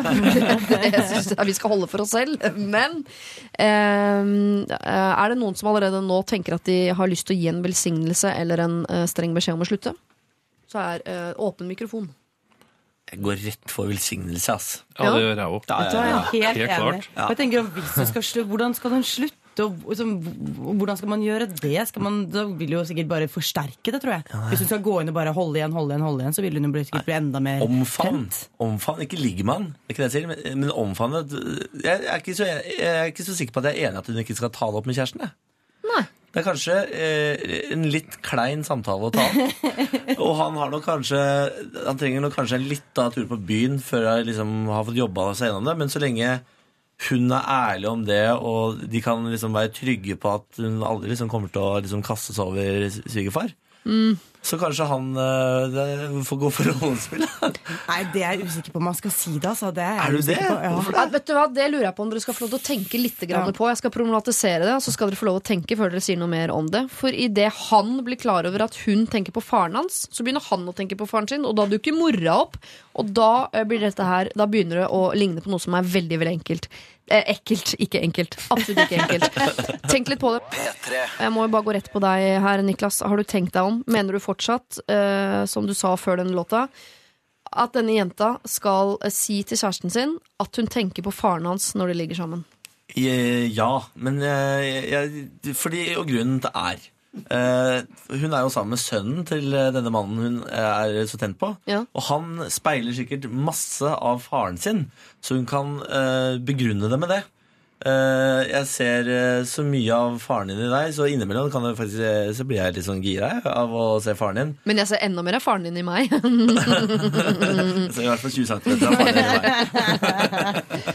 ja, nei, unnskyld, fortsett. Ja, og så da tror jeg liksom For da kan han tenke sånn Ja, det er jo ikke så unaturlig at jeg har mye faren min har, og kanskje Men jeg vet ikke om jeg, du skal være 100% ærlig, men fordi hvis hun er sånn halværlig, Mm. så kan hun i hvert fall benytte seg litt. øh, og da kan du kanskje gjøre øh, noe bra. Da. da får du brukt den seksuelle energien som oppstår.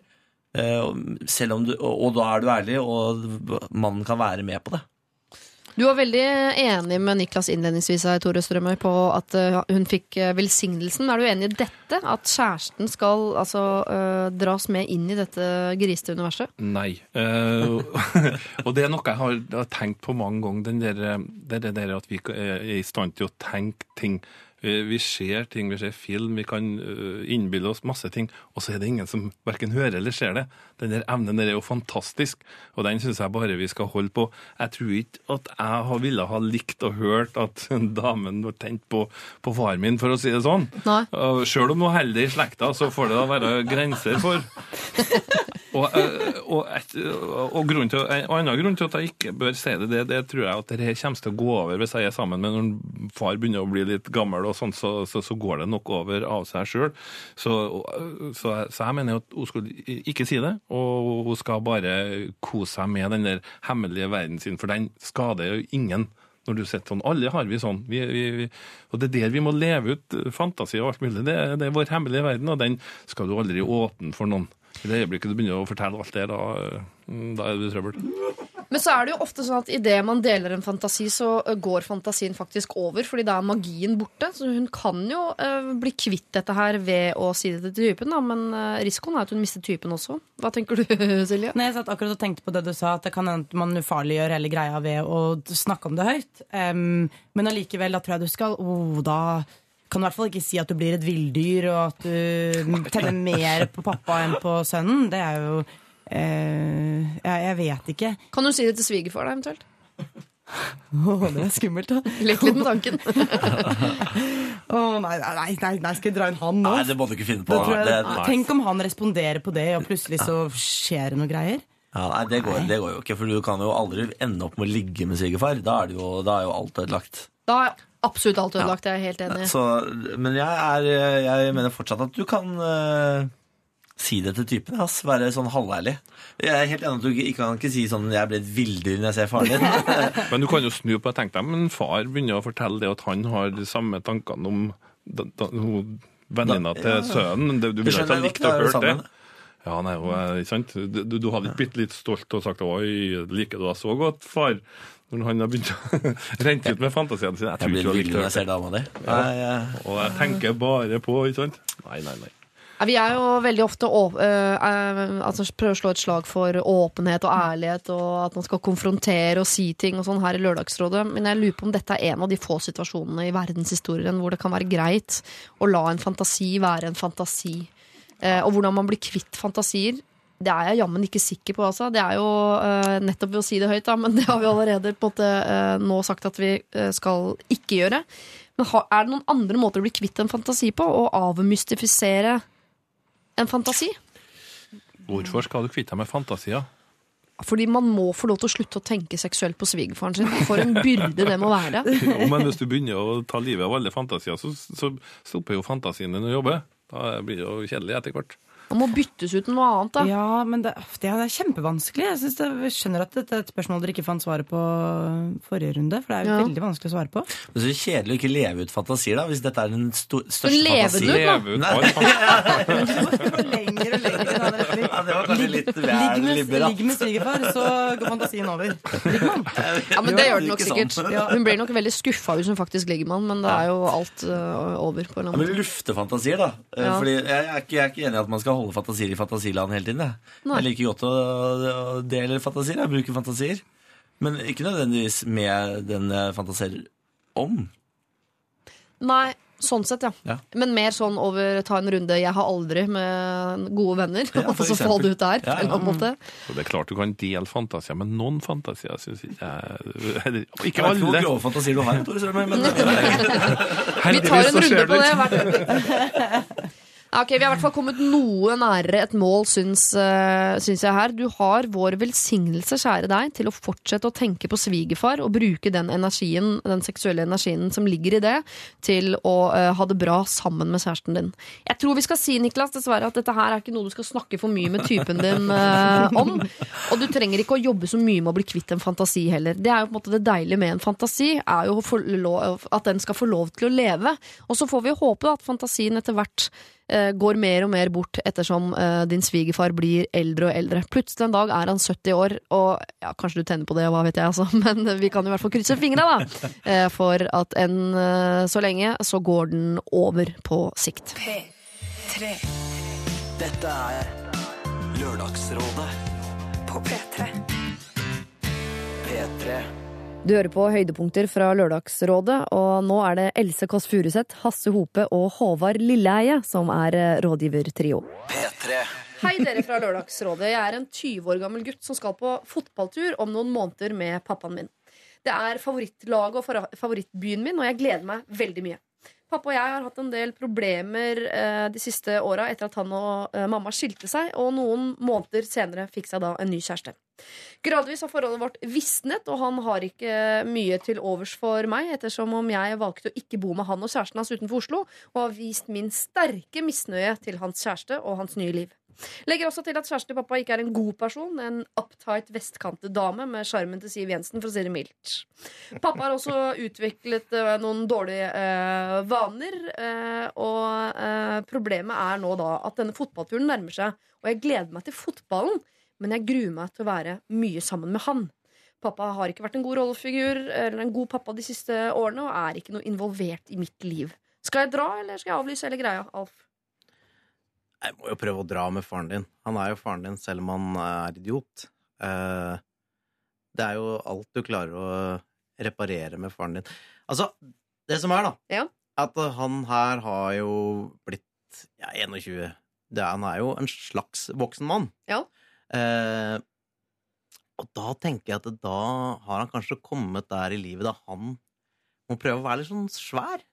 Eh, han var sikkert kanskje sånn i tenåraktig når de ble skilt. Det kan bare få den følelsen. Ja. Eh, og jeg har hørt så mange, altså, som ikke liker nye, nye dama til eh, når, når, foreldra blir skilt.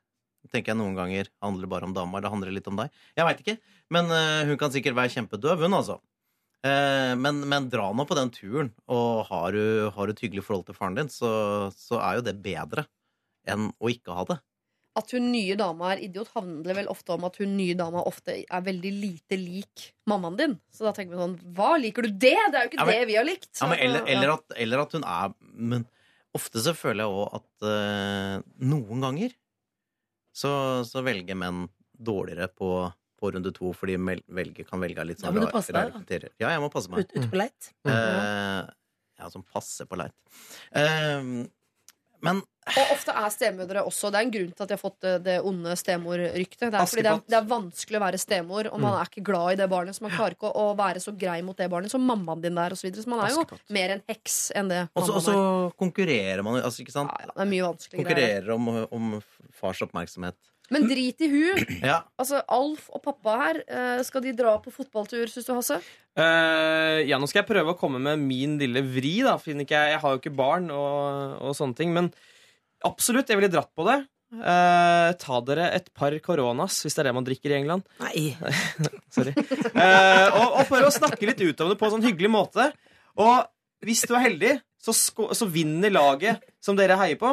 Dere kommer til å få en enorm gledesrus, og i den gledesrusen hopper du inn og tar opp masse problemer. Eh, sånn akkurat etter scoring. Du er idiot! Ja! Pappa, hva skjer med dama? Oh, nye dama di er psykopat. Jeg hater deg. Jeg hater deg. Gå fra henne, gå fra henne.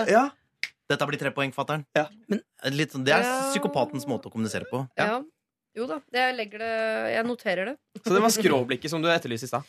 Hvis du kan sette, legge bort i koronaen et lite øyeblikk. det var nydelig at Du hun gikk i korona til England. eh, Men, Men, men, eh, men eh, jeg tenker tiden leger jo litt sånn alle sår, da, så jeg tror jo at eh, jo mer tid du tilbringer med faren din, da vil jo forholdet mest sannsynlig bli bedre.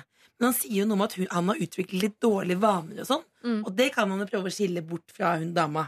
Mm. Eh, om det er noe, Hva betyr det? Dårlige vaner? Det høres jo litt sånn Er det narkotika, eller hva, hva er det? Altså, det kommer jo litt an på hva de dårlige vanene er. Eh, men, men Jeg tror det eh, er alkoholrelatert i dette. ja, så da kan du droppe de koronaene. Da, Ja, dropp altså, det ikke med en gang.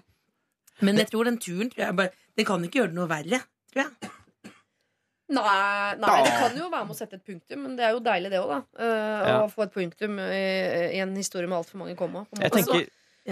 Nei, jeg skal ikke hoppe inn her, altså. Nei, jeg bare tror du må skille på en måte om du liker hun eh, nye kjæresten fordi hun er en dårlig person, eller fordi hun er den nye kjæresten. Mm. For mistanken min er at du, hvis hun på en måte er ganske normalt hyggelig, litt snobbete, det kan man leve med, så vil du nok etter hvert begynne å like henne bedre også, over tid. Men uansett, dette er en uh, fotballtur. Eh, Det er to gutter her som skal dra på tur. Hun skal ikke være med, så jeg tenker at om han liker henne eller ikke, hvordan Ja. det greiene der går, det får være litt sånn kom i aner ikke.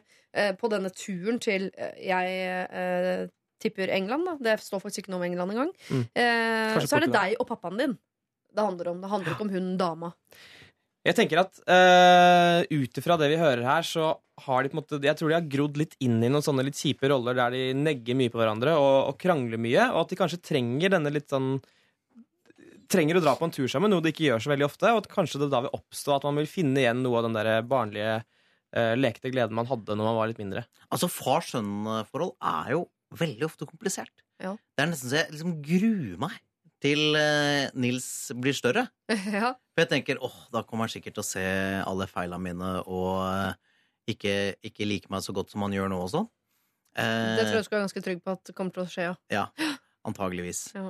Eh, men er det, jeg føler det er litt sånn generasjonsgreie, og nå tar jeg dette her opp, og liksom, men, men at, han har, at han er 20 år og har en far som er Jeg tenker det Den gener farsgenerasjonen hans, da. Mm. Hvis jeg skal tenke at eh, samfunnet går sånn, litt sånn riktig vei på en eller annen måte, at det er liksom litt den siste generasjonen som er dårlig på å snakke med gutta sine. Ja. Eh, for, for det er jo Det er åpenbart at eh, de ikke har noe sånn veldig nært forhold. Eh, og det Pappa her har jo tatt noen dårlige valg de siste åra. Eller i hvert fall tatt noen valg som Alf her ikke liker. Men jeg syns jo også jeg mellom linjene her leser at uh, denne fotballturen her Det er initiativ fra pappa. Det er jo ikke Alf som har foreslått fotballtur, for så å tenke sånn eh, Vil jeg det, òg? Jeg vil jo egentlig ikke det. Det er jo pappa som vil reparere. Det er pappa som vil reparere. Ja. Og hvis, uh, hvis han har ødelagt, så må du allikevel gi han muligheten til å reparere. Da kan du ikke sette på bremsen idet han faktisk prøver å gjøre noe bra da, for deg som er sønnen sin. Pluss kostologi. og losji. Pluss kost og losji, Mm. håper jeg. Da Ja, tenker jeg Gi han muligheten nå til å på en måte eh, gjøre opp for alle de dårlige valgene han har tatt Og- som menneske. Og så eh, kan det jo også være at det er andre med hun eh, kjæresten i faren. Jeg bare minner jo. Det, altså det jeg, kan, jeg, jeg har personlig veldig god stemorerfaring fra å være sånn 'du er ikke moren min' til å kjøpe tulipan på morsdag. Bare på kort tid. Du kan Plutselig så er hun kulere. Selv om hun har sånn boblevest oppe på vestkanten. ja, selv om hun er fra østkanten og har Siv Jensen sin utstråling, så kan det hende at du også kan like henne på sikt. Men nå i første omgang så tenker jeg at du skal på fotballtur sammen med pappaen din. Og det er eh, hans initiativ, og det er hans oppgave egentlig å gjøre dette her til en fin tur. Siden dette problemet gikk på lufta på NRK P3, så har vi fått eh, ny mail, og du kan straks få lov til å høre hvordan det hele gikk. For noen måneder siden, nærmere bestemt i januar, så hørte vi fra en eh, gutt på 20 år som eh, skulle på en fotballtur med sin eh, far. Da han skulle se sitt favorittlag spille uh, fotball, men han gruet seg til turen fordi han og faren har hatt et veldig turbulent forhold. Han var usikker på om denne turen i det hele tatt kunne bli noe som helst hyggelig, og spurte Lørdagsrådet om han i det hele tatt skulle dra. Det var Else Kåss Furuseth, Hasse Hope og Håvard Lilleheie som var rådgivere, og dette er noe av det de kunne fortelle. P3 Absolutt, jeg ville dratt på det. Eh, ta dere et par koronas, hvis det er det man drikker i England. Nei. Sorry. Eh, og, og for å snakke litt ut om det på en sånn hyggelig måte. Og hvis du er heldig, så, sko- så vinner laget som dere heier på. Dere kommer til å få en enorm gledesrus, og i den gledesrusen hopper du inn og tar opp masse problemer. Eh, sånn akkurat etter scoring. Du er idiot! Pappa, hva skjer med dama? Jeg tenkte, Tiden leger jo litt sånn alle sår, da, så jeg tror jo at eh, jo mer tid du tilbringer med faren din, da vil jo forholdet mest sannsynlig bli bedre. Men jeg tror den turen tror jeg bare, den kan ikke gjøre det noe verre. tror jeg. har de, på en måte, jeg tror de har grodd litt inn i noen sånne litt kjipe roller der de negger mye på hverandre og, og krangler mye, og at de kanskje trenger denne litt sånn Trenger å dra på en tur sammen, noe de ikke gjør så veldig ofte, og at kanskje det da vil oppstå at man vil finne igjen noe av den der barnlige eh, lekte gleden man hadde når man var litt mindre. Den gener farsgenerasjonen hans, da. Hvis jeg skal tenke at eh, samfunnet går sånn, litt sånn riktig vei på en eller annen måte, at det er liksom litt den siste generasjonen som er dårlig på å snakke med gutta sine. Ja. Dette er Lørdagsrådet På P3. P3. Veldig fint sagt av Håvard eh, Lilleheie der, og det tror jeg også uh, gutt 20 som sendte inn problemet, er helt enig med meg i. For han har skrevet en mail, og han skriver der. God morgen, Lørdagsrådet, og tusen takk for alle gode råd. Jeg eh, så at pappa og jeg fada fra hverandre. Jeg trodde kanskje fotballturen ville bringe oss nærmere igjen. Men før dere diskuterte problemet mitt på radio, ble det mye verre mellom meg og faren min. Men utrolig nok, etter at dere tok opp spørsmålet mitt, så har ting blitt mye bedre. Og vi kan endelig ha noe som ligner på et normalt eh, sønn- og farforhold. Håvard Lilleheie satte ting veldig på spissen da han sa at det var eh, litt av den siste generasjonen som ikke klarte å snakke med sønnene sine, og det var hyggelig å høre med tanke på at det jo er noe av problemet. Akkurat nå spiser jeg frokost i ingen andre byer enn Paris, altså ikke England som dere trodde. Tusen takk igjen, ha en fantastisk helg. Hilsen meg.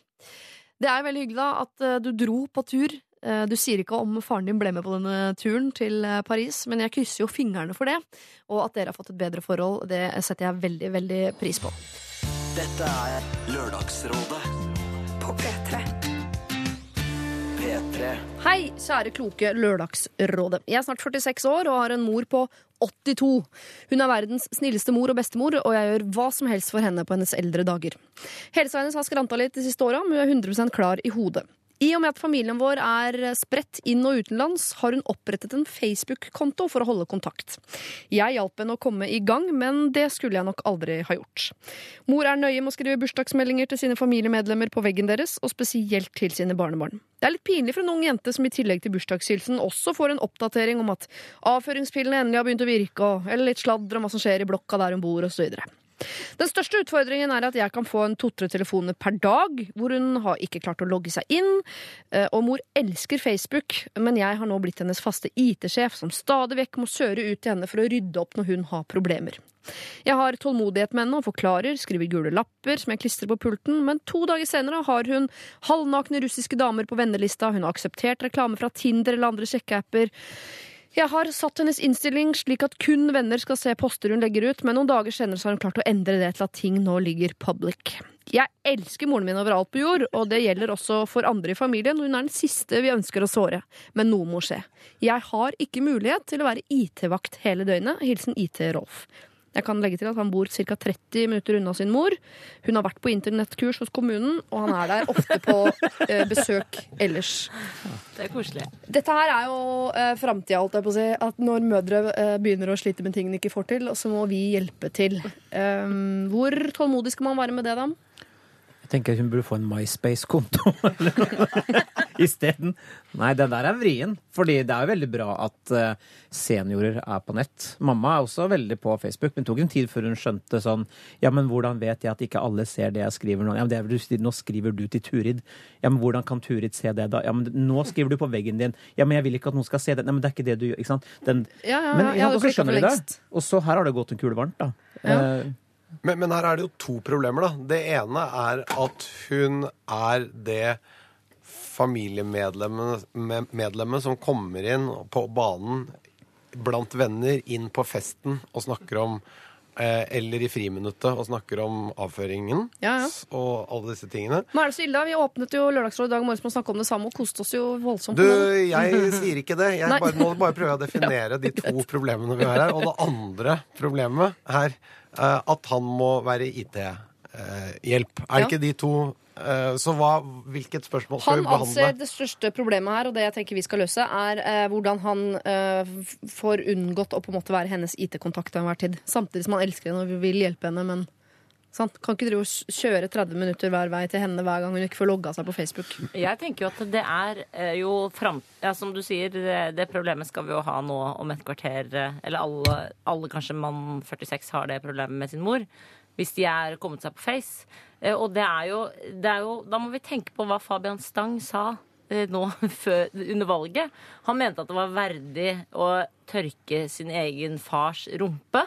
Og Ja. mente at det skal man huske på når man da at det er veldig verdig og det er viktig å ta vare på de gamle. Det mente jeg var, Da mener jeg at Høyre tapte, tror jeg, på den, det utsagnet der. I, I Oslo i hvert fall. Og Miljøpartiet De Grønne var sånn vant på at man skal heller sykle enn å tørke sin far i sin egen eh, bak. Men det er nemlig problemet nå. Problemet hans er at moren hans er på Facebook og maser litt. ja. Det er et veldig lite problem i forhold til kanskje hva man måtte da for 50 år siden gjøre med disse gamle, som var så mye mer skrøpelige. Nå er hun bare litt skrøpelig på Face fordi hun ikke skjønner helt sjargongen på internett. Og det han- er dessverre sånn vi må leve med, for alle gamle foreldre blir irriterende og sitter og gjentar og forteller i det vide og brede og ditten og datten og gjør masse feil på nettet. Jeg, jeg hjelper også moren og faren min masse med sånn Pappa ringer opp til meg, sier 'jeg får ikke til Gmail', og så må jeg ned.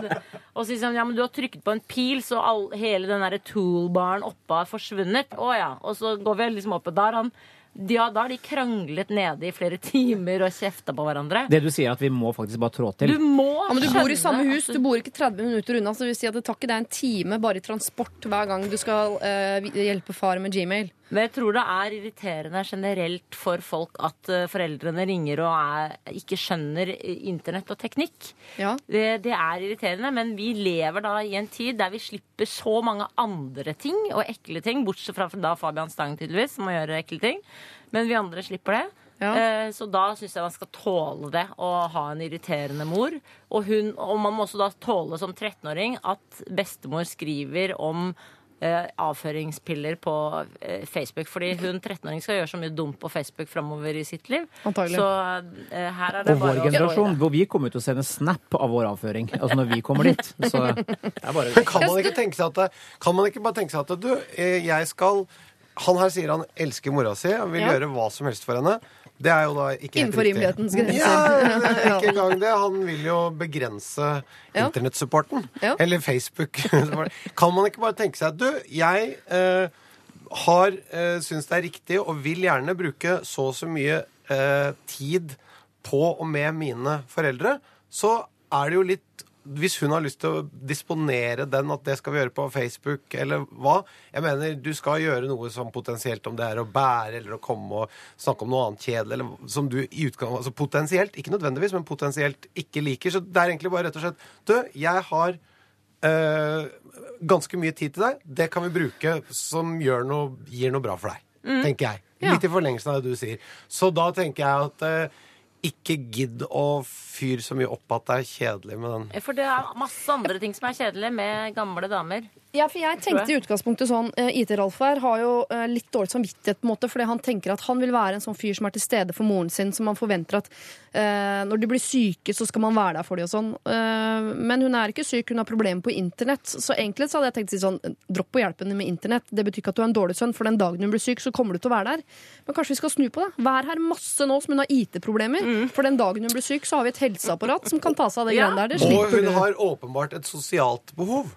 Det er det. Så det Ja, ja, ja. er jo det grunnen til at hun er så opptatt av Facebook. Og da er jo at han da kan avlaste med litt kontakt, om den så er å snakke om datateknikk. Det er ikke så farlig poeng at da får hun jo eh, også fylt et behov for kontakt. Og det blir jo enda bedre enn den tiden hun er på Facebook. Så at hun har litt tid og problemer knyttet til å komme seg på Facebook, som da genererer ekte sosial kontakt, kan være en fin avlastning fra den Hvis dette hadde gått helt smertefritt, hun satt bare med huet inn i den skjermen hele tiden. Kan jeg komme med et lite sånt tips på tampen? Ja. Hvis han ber moren sin pent, kan jeg få lov til å låne passordet ditt, så jeg kan bruke det i tilfelle det kommer ut noe, f.eks. at det er noe sånn Ja, det legges ut noe greier som ikke skulle vært der. Så trenger ikke han reise 30 minutter.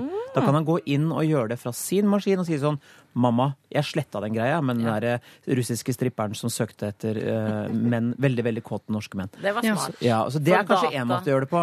Ja, Pluss at han kan jo hjelpe henne også der uten at han må reise til henne. Altså, Facebook Sånn er jo på internett, så vidt jeg vet. Samtidig som jeg også, når det gjelder da dette, disse litt tingene som de syns er litt flaue, som hun gjør, det ville jeg prøvd i så lang utstrekning som mulig å snu til noe positivt. Vi har en jævla morsom bestemor Ja. eh, som faktisk skriver ganske mye gøy, og det er jo gøy at noen, Livet er ganske kjedelig. Mange har mye kjedelige mennesker rundt seg. Har en sånn tråkmann. Det er gøyere da å ha en bestemor som deler litt om eh, avføring og eh, legger ut litt rare poster. Er ikke det litt gøy? Jo, det er masse russiske halvnakne damer som venner og Nei, men liksom, Jo, men det er gøy. altså, bare snu litt på det. Tenk, fader, her er det jo fantastisk gøy.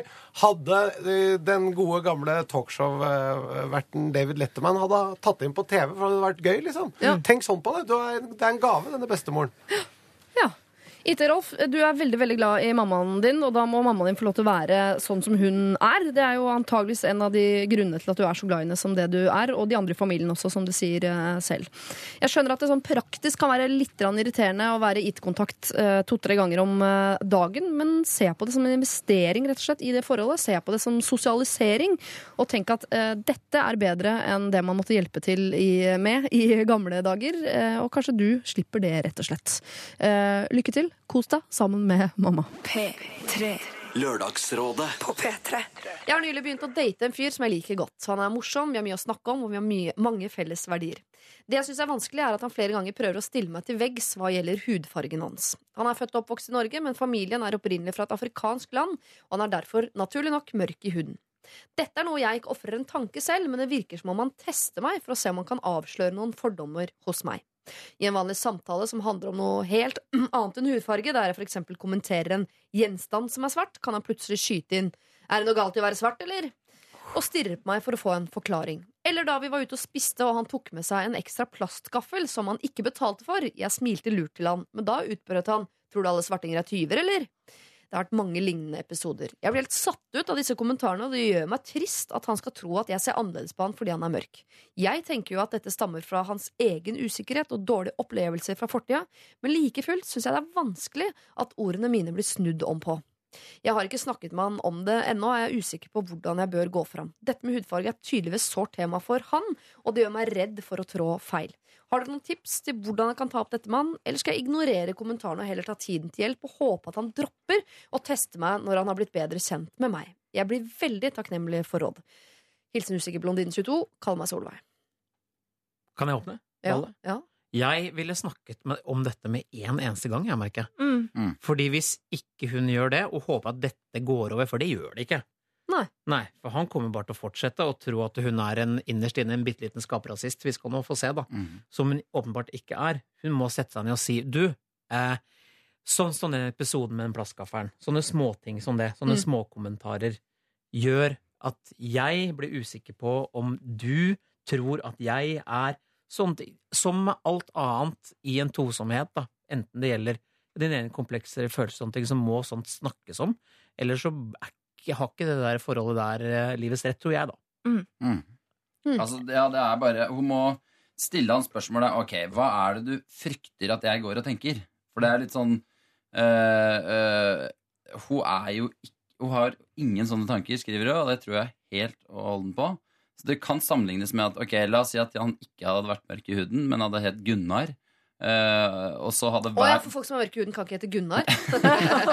og så, og så kan du bare bruke eksempelet hennes, Ja. Uh, som er sånn ta med seg, er det, oh, Ok, det er fordi jeg heter Gunnar. Eller, Mm. altså, hver, så du blir irritert. Det kan hende det er litt sånn humoren hans også. Ja. Uh, og det er ganske sånn generelt i alle forhold. Så er det noen sånne humorgrep folk hører, eller at det er fullt alvor, Mm. som må bare lukes bort. Fordi uh, hun kommer aldri til å bli en rasist. Men hun kan ende opp med å bli veldig irritert på han fordi at han hele tida driver og negger med det. Det er jo veldig eh, farlig akkurat det du sier der. For det er hvis folk spør sånn Er du sur, eller? Nei. Er du sur, eller? Til slutt så blir du sur. Ja. Tenk hvis hun blir rasist til slutt ved at han driver og neger om eh, for å finne ut om hun er rasist eller ikke. Og hvis det er sånn at han har et issue, Mm. så vil de jo sannsynligvis komme nærmere hverandre ved å få pratet ordentlig om det. Det er litt sånn som når folk sier du, er det mulig å sitte på hjem Du kjører bil fra festen, ikke sant? Ja, du beklager, ved at bilen er full.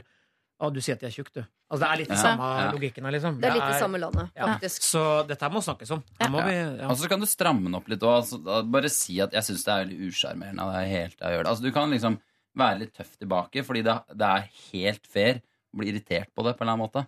Ja. Det er akkurat som det er helt fair når du går inn i et forhold og er i et forhold og det har kanskje vart i 100 år, at du hele tida driver og justerer hverandre. Det, er, det må man gjøre hvis en stopper å gjøre det. liksom. Mm. På alle sånne små ting som er irriterende nå, så er det sånn til slutt så bare orker du ikke mer av, det opplegget. liksom. Til hans forsvar så kan jeg også forstå frustrasjon over å hele tiden bli uglesett, hele tiden liksom bli, om ikke degradert, i hvert fall stempla. For jo, han er, har en annen hudfarge, og det blir han påminnet om hele tiden, for han er en minoritet. Uansett om familien som vokste opp i Norge, Mm. så er det noen politiet stopper for å bare sjekke om du har noe på deg, så er det dessverre sånn som han, da. Du blir ganske lei av å måtte for- forsvare å ha en hudfarge hele tiden.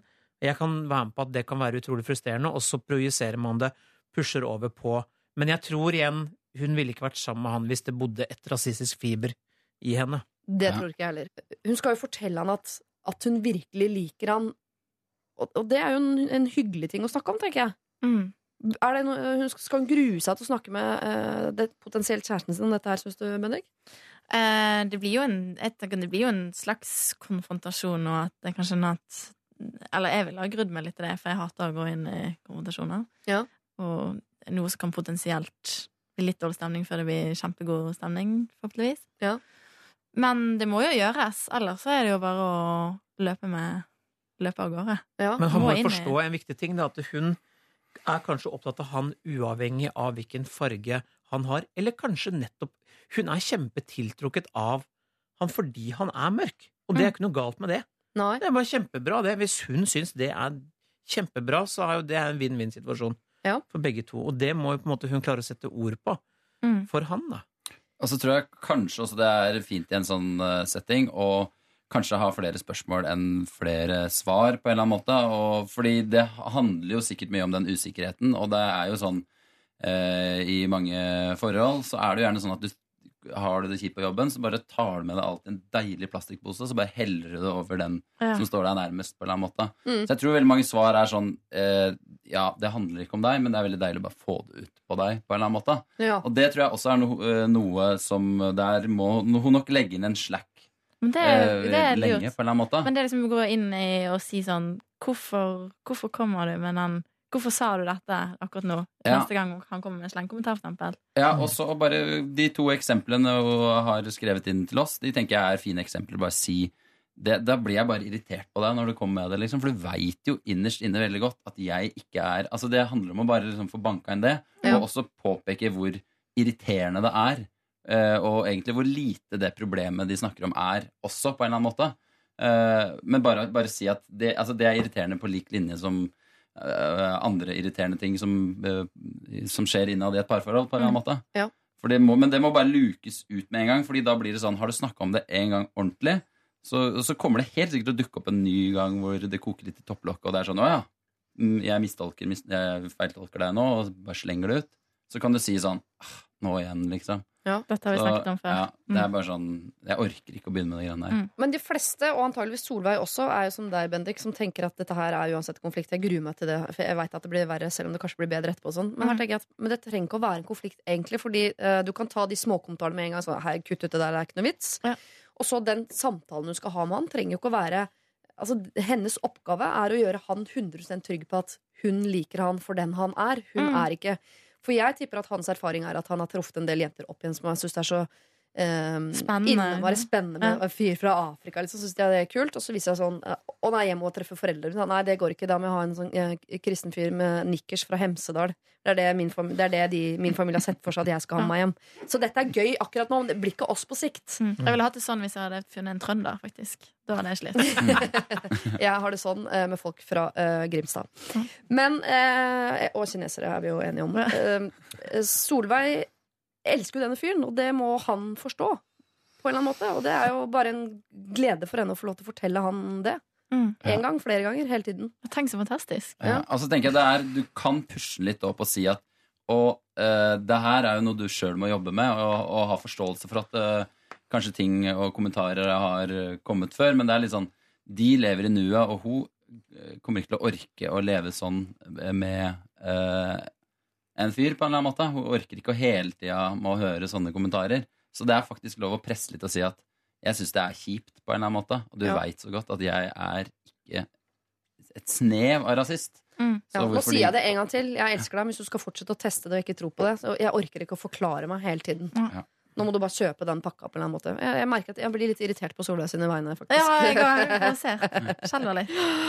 Det er eh, egentlig dumt at vi nå skal spille en låt som heter Wait for Love, fordi det trenger ikke Solveig. Du har funnet kjærlighet allerede, og det eneste som gjenstår nå, er å få han 100 sikker på at det er det det er. Og Solveig, det får du til. P3.